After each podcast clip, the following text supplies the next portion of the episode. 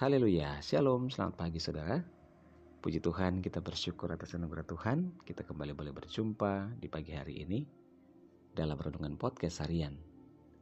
Selasa 18 Agustus 2020. Bersama saya, Yudhistira Daniel. Renungan kita pada pagi hari ini berjudul Jangan Menyerah. Firman Tuhan dalam Mazmur 50 ayat 15 berkata, Berserulah kepadaku pada waktu kesesakan. Aku akan meluputkan engkau.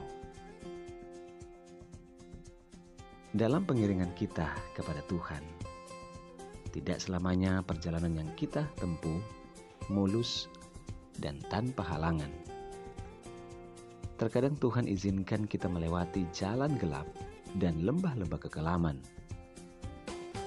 Seringkali ketika kita dalam keadaan buruk atau keadaan buruk menimpa, dengan penuh kepanikan kita berusaha mengatasinya dengan akal dan kekuatan kita sendiri. Dan jika gagal, pikiran kita pun langsung tertuju kepada manusia yang dapat kita harapkan untuk menolong kita. Hasilnya, berharap kepada manusia pasti akan kecewa karena manusia penuh dengan keterbatasan.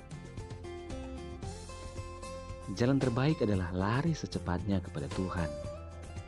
Sentuhlah pintu surga dan ketuklah hati Tuhan dengan seruan yang lahir dari jiwa yang hati lusuh.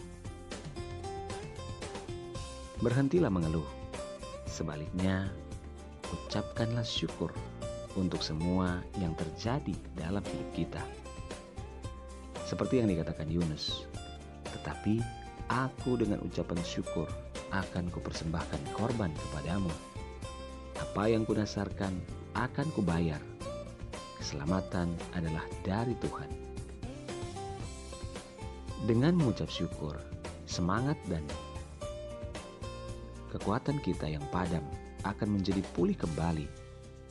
Iman yang sudah lemah dapat bekerja kembali.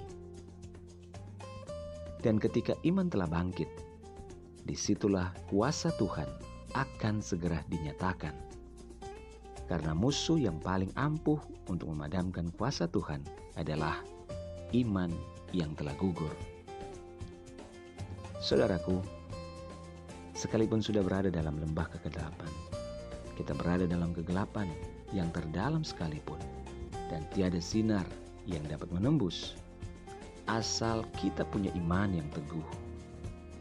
Tidak ada yang mustahil bagi Tuhan. Berfirmanlah Tuhan kepada ikan itu, dan ikan itu pun memuntahkan Yunus ke darat. Haleluya, pengharapan di dalam Tuhan tidak akan pernah mengecewakan.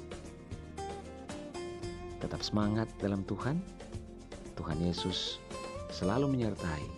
Teruslah berjuang, karena Dia ada bersama dengan kita. Mulailah hari ini dengan membaca dan merenungkan firman Tuhan.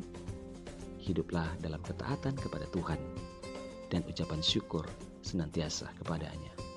Selamat pagi, selamat beraktivitas dalam tuntunan pemeliharaan Tuhan. Tuhan Yesus memberkati.